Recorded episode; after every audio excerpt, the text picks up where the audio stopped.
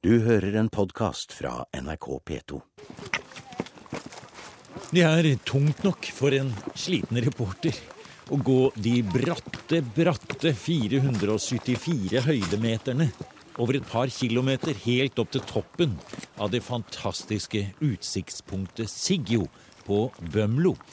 Men når steinaldermenneskene gikk her, og det gjorde de mye, så bar de med seg store mengder ved helt opp til toppen. Ja, for de skulle jo brenne ja, på toppen.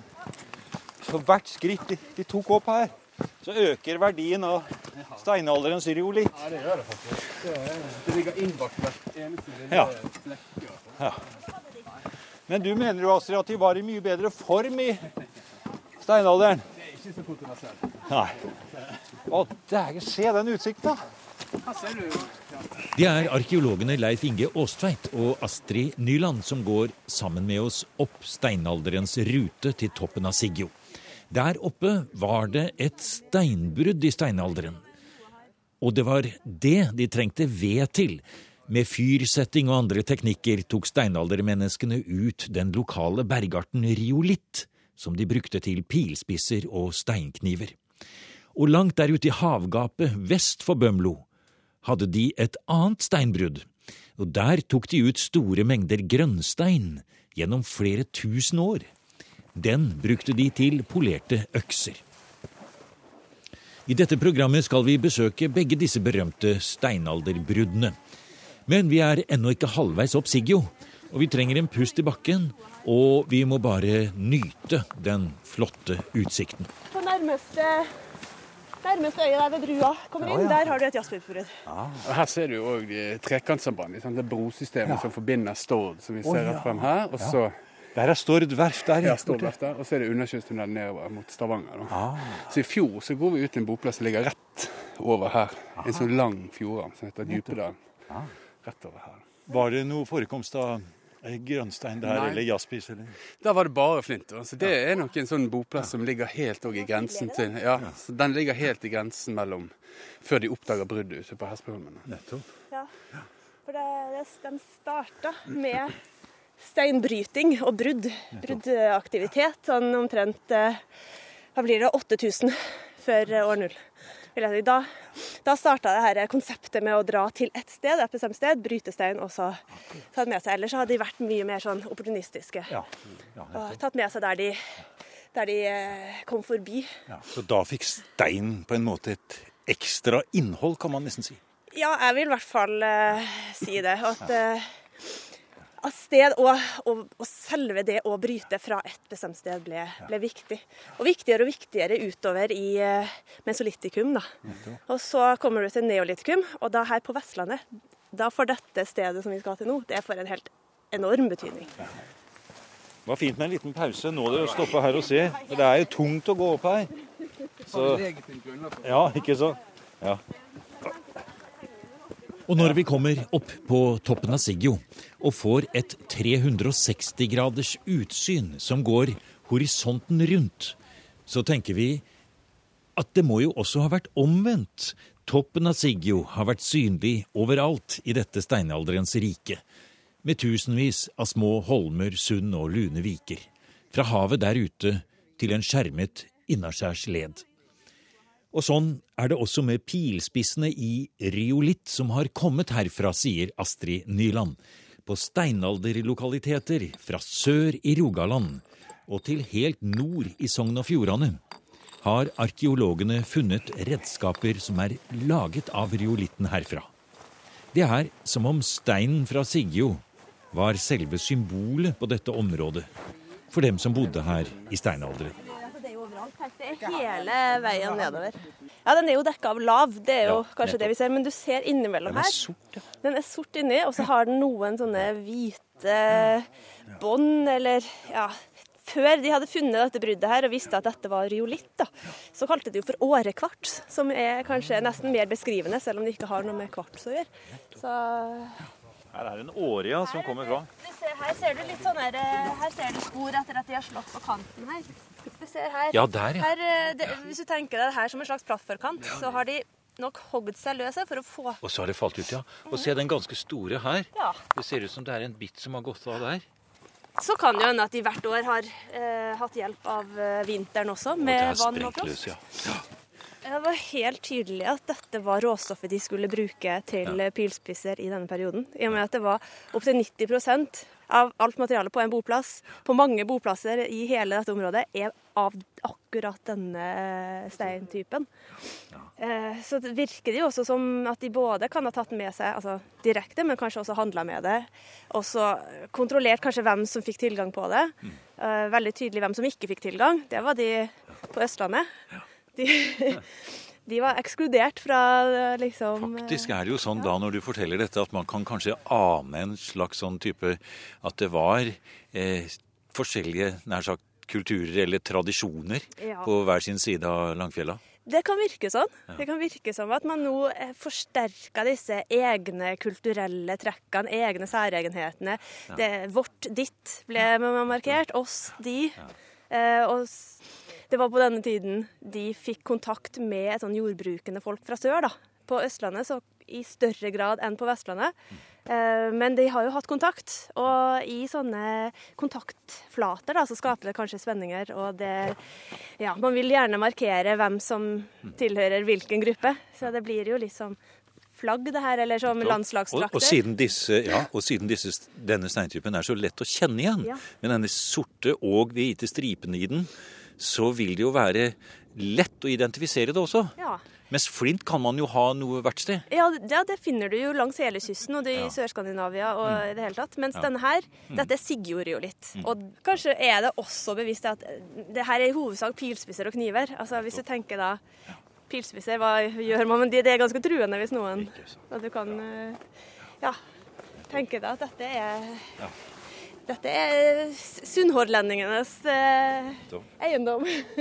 Altså, jeg tror jo liksom denne beliggenheten til disse bruddene òg er, er vesentlig i hele på en måte, etnografien da, som er knyttet til disse råstoffene. Sant? Altså, det er historier og myter og sagn som, er- som er på en måte innbakt i det materielle. Da, sant? Så noen en øks fra Hesperudholmen eller et sett med piler herfra plutselig altså, jeg vandrer oppover langs kysten via fra hånd til hånd oppover, da, så følger på en måte historiene med på det der. da.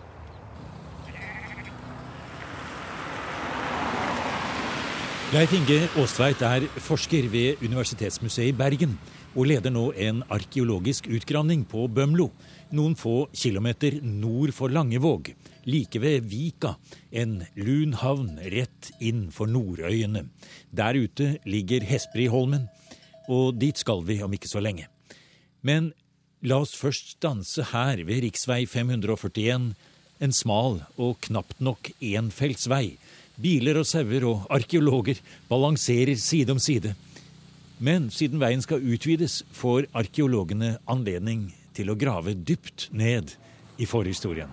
Ja, altså det, det som er situasjonen her, er at vi har, eh, vi har spor etter mange perioder med bosetning. Og det eldste sporet vi har, det har vi jo, fikk vi faktisk en C14-datering fra for, i forrige uke, faktisk. Og den er 11.500 år gammel. Så den er, det er oppsiktsvekkende gammelt. Og da er vi liksom helt i slutten av det som vi kan kalle for pionerbosetningstiden. Og under pionerbosettingen, under den eldste strandlinjen i profilen arkeologene har avdekket, der kan man kanskje komme ned i lag hvor organisk materiale, som rester av trær og planter, har ligget hermetisk lukket i en 14 000 års tid. Og det kjenner man på lukten, sier Leif Inge Aastveit. Ja, altså det er når du, når du åpner opp der du slipper til oksygen, så er det bare helt eh, Ja, det er forferdelig, altså. Det, det er kanskje Det er sånn skikkelig løs mage eh, fra Torben sier. Altså det, er det er helt Ja. eh, Hvis du er i en sånn smal sjakt og du har liten gjennomstrømming, så er det nesten sånn du blir svimmel av lukten. Altså. Men samtidig så vet jeg at når du arbeider med dette, så etter at du kommer over sjokket av den voldsomme stanken fra steinalderen, så tenker du hm, den lukta kan ha egentlig noe godt ved seg, for her er det muligheter. Ja da, absolutt. Og det, vi vet jo det når vi kommer ned i når vi kommer ned i sånne lag, så er det jo eh, bra muligheter for kanskje, altså, for å finne noe. Og hvis vi finner noe, så vet vi at det har en anselig alder. i hvert fall. Ja, Hvis du går på kanten her, så kan Ja. jeg gå ned i. ja fint. Jeg sitter og snuser litt, for jeg kjenner om jeg kan kjenne noen rester igjen av den forferdelige steinalderlukta. Jeg har på en måte ikke tenkt på det før, at det å være arkeolog også involverer luktesansen i så sterk grad. Der, ja. Å ja, det hendene. Det der er liksom ikke blant det verste heller. Nei, for det var, jo så, det var jo så lite. Så når Ja. du kommer med gravemaskin ja, det her er er det, det du jo bare opp svære Ja, områder. sant? her ser du faktisk at det er antydning til kull som ligger her. liksom. Her ser du det svarte her. liksom. Ja. Å, se, ja. Ja. Så det er Det som er min antagelse her, det er at vi er helt i utkanten av en boplass Ja. fra denne eldste fasen. Den ligger sannsynligvis under veien. Her. Akkurat. Og det kan si på bakgrunn av at vi finner litt kull her. Ildstedet ligger sikkert ikke langt herfra, og flinten er helt skarp. sant? Han har ikke vært vasket og dratt rundt om. Han, er, han ligger herifra. Da. Så vi har en boplass like ved. Da. Så, så det her er det eldste vi har, på en måte. da. Men det aller mest interessante på arkeologenes lokalitet ved Vika på Bømlo, i hvert fall når vi snakker om steinalderens steinbrudd, det er at bare drøye 100 meter fra den aller eldste strandkanten i retning ned mot dagens havn, ligger en annen strandvoll fra steinalderen. Og det er på denne lille vollen mellom stranda der havet slo inn, og det som må ha vært et lite eid inntil en skjermet indre led, at arkeologene har funnet selve verkstedplassen for ilandføringen av grønnstein fra bruddet ute på Hespliholmen. Og Sånn som jeg ser for meg aktiviteten her, så er det, så er det det at de har hatt tilhold her på sommer, kanskje sen vår, sommer og kanskje tidlig høst. Sant? Så har de hatt, det har vært en, en eh, viss Eller da har det vært trafikk ut til det her skjæret som ligger langt ute i havet. da, sant? Frem og tilbake. Og så har de kommet inntil her. De har slått til oppå strandvollen her og grovhugget på disse økseemnene. For det er kun økser. Ingenting annet de har laget av den grønnsteinen. Det er bare økser. Vi kaller det her for en verkstedsboplass. For her finner vi helt, helt annet innhold enn vi gjør på en ordinær, skal vi si, en, en vanlig boplass der det bodd kanskje en familie. Der finner vi, På sånne boplasser vil vi finne skinnskraper og kniver og slipeplater og sånne ting. Her finner vi ingenting. Vi finner kun spor etter til, grovtilhugging av økser. Her finner vi altså Innenfor en rute på 50 ganger 50 så finner vi gjerne over 1000 avslag. Ikke sant? Og etter grovhugging av, av dette. her.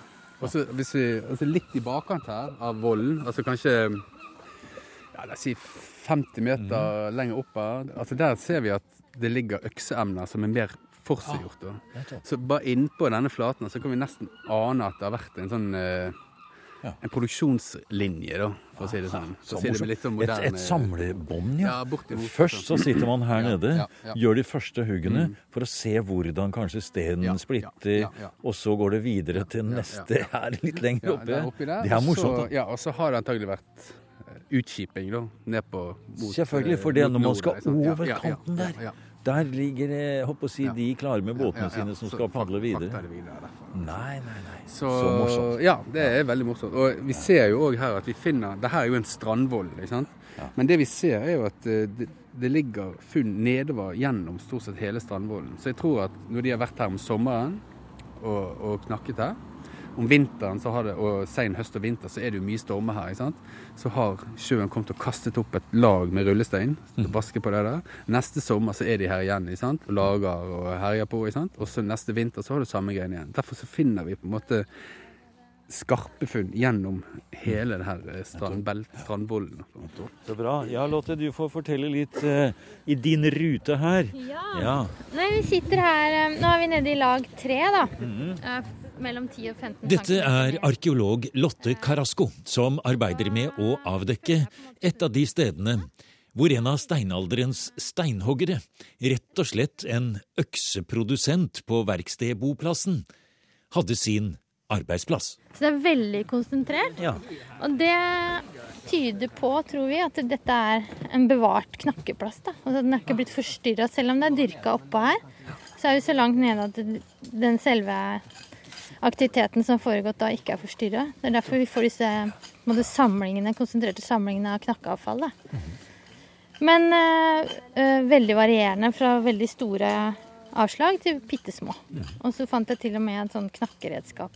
Ah, du fant en knakke, ikke stein sa du, men et knakkeredskap. Det Ja, må jo ha vært fordi- en form for Ja. Fordi eh, vi har ikke så mye Vanligvis så bruker du jo rullestein ofte til å knakke, og så ser vi sånne knusespor på dem. Men de har snakka om det her tidligere, Alsaker og Skjetlig og sånn. Noe som de har kalt for spissøks, da, men som er eh, har knusespor i den spisse enden. Og det er antageligvis noe de har brukt enten som et sånn mellomstykke for å slå av, eller direkte på steinen. Ja. Så det, Det fant du her, altså. Ja, Så bra. det lå her. Og, Og da ligger jo den sammen med alt knakkeavfallet. Så, så du er jo i situasjonen. Jeg vet ikke hvor mye Leif har snakka om denne volden, da. Mhm. Men når det ting har blitt kasta opp her, så har du på en måte isolert det som har vært under òg. Så da har jo det lagt et lag mellom som det har gjort at det ikke har blitt forstyrra av dyrkninga. Vi har sånn som der borte bare et par meter unna der jeg sitter nå, så er det jo én kvadrant, altså 50 ganger 50 cm. Eh, 5 cm i laget. Da er det 1000 funn i det. Det er jo nesten hele laget, da, som bare er grønnstein. Nettopp. Og det er jo Ja. kjempemye. Ja, Ja. Så da har de eh, sittet der og bearbeidet mange emner. Mange emner. Og de har også lagt igjen en del emner som de ikke har tatt med seg videre. Av hvilken grunn? Det er sikkert fordi de ikke ble bra nok, da. Det var kanskje høye kvalitetskrav. Ja. Og, de har jo visst I og med at de har dratt ut til den lille Hesperholmen, de har dratt inn hit, og de har tatt med seg bare det de ville ha med videre, Ja. så har de visst akkurat hva de ville ha. Ja, De har vært veldig spesifikke. Og dette skulle kanskje videre også, kanskje langt unna. Stor etterspørsel, kanskje de visste at dette var gode byttevarer. Hvis de kom med noe som ikke holdt mål da, Nei, så var det jo ikke noe vits i. Nei. Og så tror jeg også at de håndverksmessig var på en måte så dyktige at de liksom var fort, raske til å se hva som ikke var bra nok. ikke sant? Altså, Vi veit at den bruddet på Hesperholmen har blitt brukt over mange tusen år. Og når du tenker med steinknakkere over mange tusen år, det er ganske mange generasjoner. Det er mye kunnskap som har samla seg opp. Og så når man sitter her, man graver bare fem centimeter ned, og så kommer man ned, rett ned på knakkeplassen hvor de satt på ja, Jeg vet ikke hvor mange tusen år siden ennå, men kanskje 6000, kanskje 7000 år siden. Og så plukker man opp bare søpla deres, liksom. Men det er litt sånn åh, ja. Det er veldig gøy.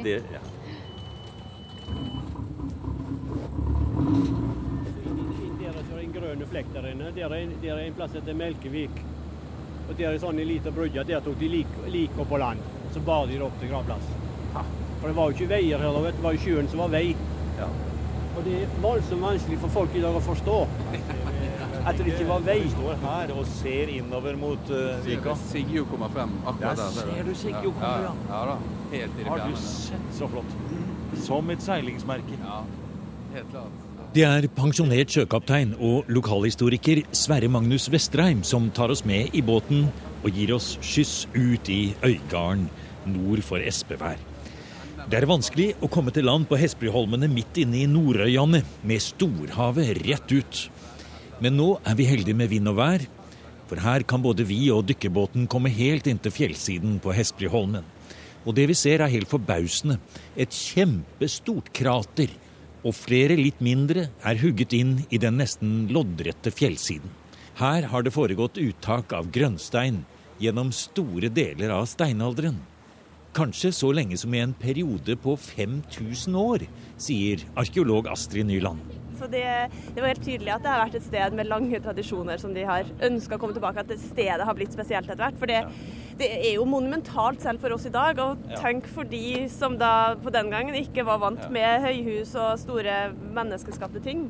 Altså, det var jo ikke pyramider her i Nei. Norge, men de, de skapte ting i stein her òg, som må ha vært betydningsfulle i seg sjøl. Så det at selve inn, innhugget, bokstavelig talt, i fjellet er så stort og tydelig, det er jo en eh, menneskeskapt konstruksjon eh, Ja, det- i seg selv. Det er jo det. Det er jo veldig åpenbart at uh, hvis du tenker at de kommer her, så, vi, så ser de veldig tydelig at uh, forfedrene deres uh, har vært her og jobba på samme Steinbruddet ble måte. et, et landemerke. Ja, rett og slett.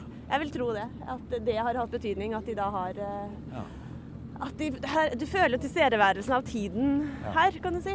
Um, du, du plasserer deg sjøl også i tiden ved å, å fortsette på det som dine forfedre og dine besteforeldre og Mm. det du har gjort. Og også, det er jo veldig tydelig også et, et merke for fremtiden og for samtiden, som ser at her er det noen som Ja, ja. er aktive. Så steinbryting er liksom mer enn bare det å skaffe seg råstoff. Det er det å finne frem til dette. Det, er, altså det, det slutter aldri å fascinere meg over det der. Og så, I går var vi på Siggo, i dag var jeg. Altså, vi var på høyeste toppen, og der er vi på det ytterste skjæret. Og hvem var det som var den første som hvem, hvem som tenkte den tanken? Ikke sant? Nå skal vi ut der, så skal vi på en måte. Ja, det er helt utrolig. altså. Det er helt utrolig. Fantastisk. var så jækla de karene. Men de var antagelig enda smartere enn oss. Iallfall ikke dårligere. Det tror jeg. Hva er rapporten?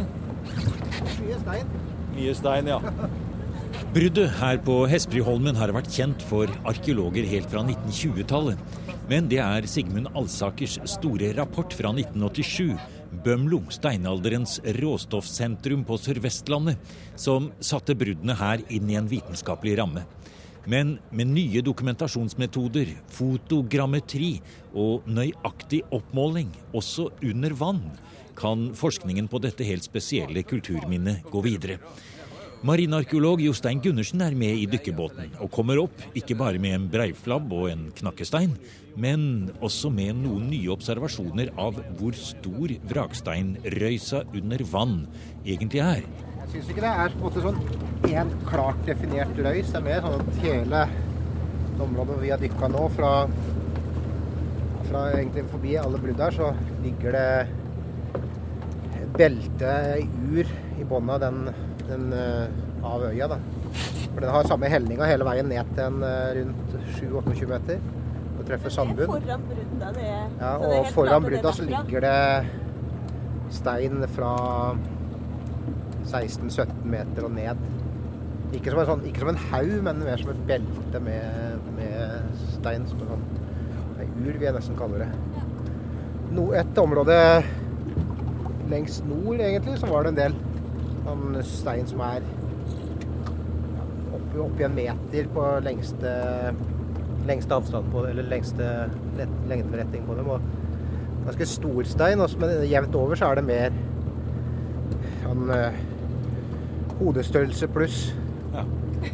ja. en del uh, stein som jeg vil tro er knakkestein. Jeg tok med en liten en. Nesten det er liksom vanskelig for Siden været viser seg fra sin aller beste side. Slik det må ha vært også på de dagene da steinaldermenneskene kunne komme til her med sine båter for å frakte ved ut til fyrsetting og råblokker inn igjen til bearbeiding. Så greier vi å gå i land og klatre ned i bunnen av det største bruddet. Vi står på en stor hylle, minst fem meter dyp, 20 meter lang, og med en grønnsteinsvegg ti meter opp over oss. Alt resultat av 5000 år med bergverksdrift. Det var sånn veldig klare fyrsettingsspor, egentlig. For det er jo gjerne sånne litt linseforma avspaltninger som kommer av. Når du, for du, det er begrensa hvor dypt inn du får varmen.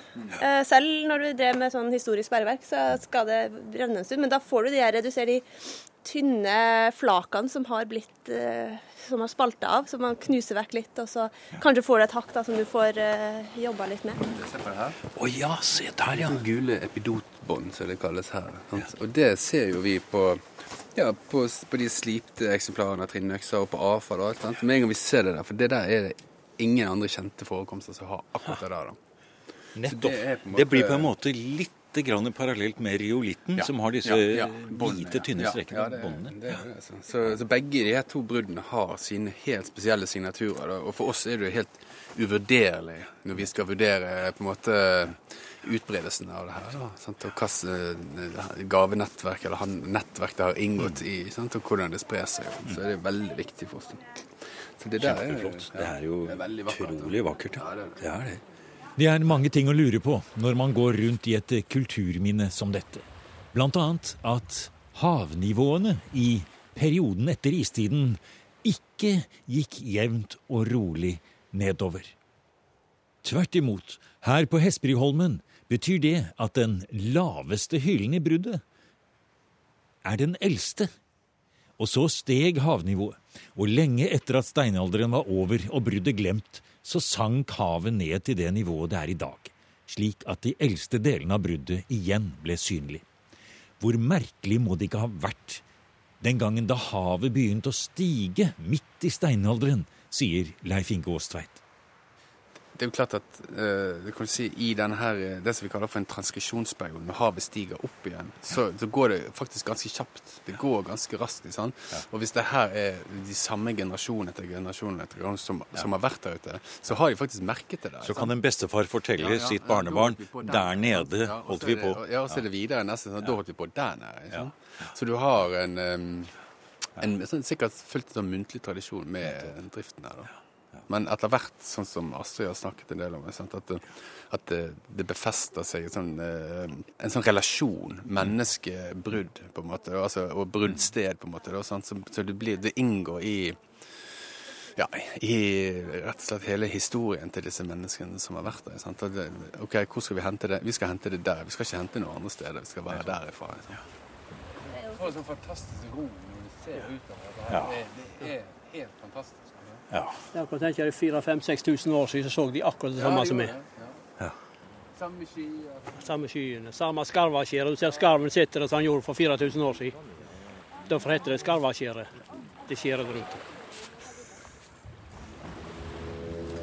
Du har nå hørt en podkast av programmet Museum fra NRK P2.